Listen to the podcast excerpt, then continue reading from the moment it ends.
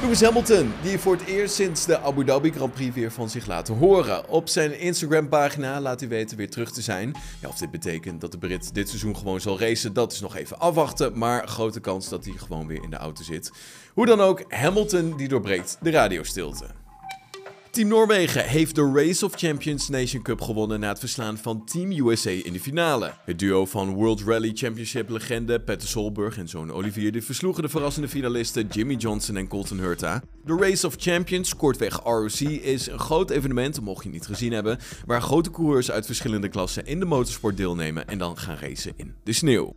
Ook Jarno Opmeer die was van de partij. De wereldkampioen Formule 1 e-sports die mochten tijdens de Race of Champions opnemen tegen deze twee gasten, Mick Schumacher en Sebastian Vettel. Hij kon echter niet bolwerken tegen de twee race-titanen uit de Formule 1. Tegen beide coureurs kwam hij tekort en in de laatste race crashte Opmeer, waardoor hij een hoop tijd verloor.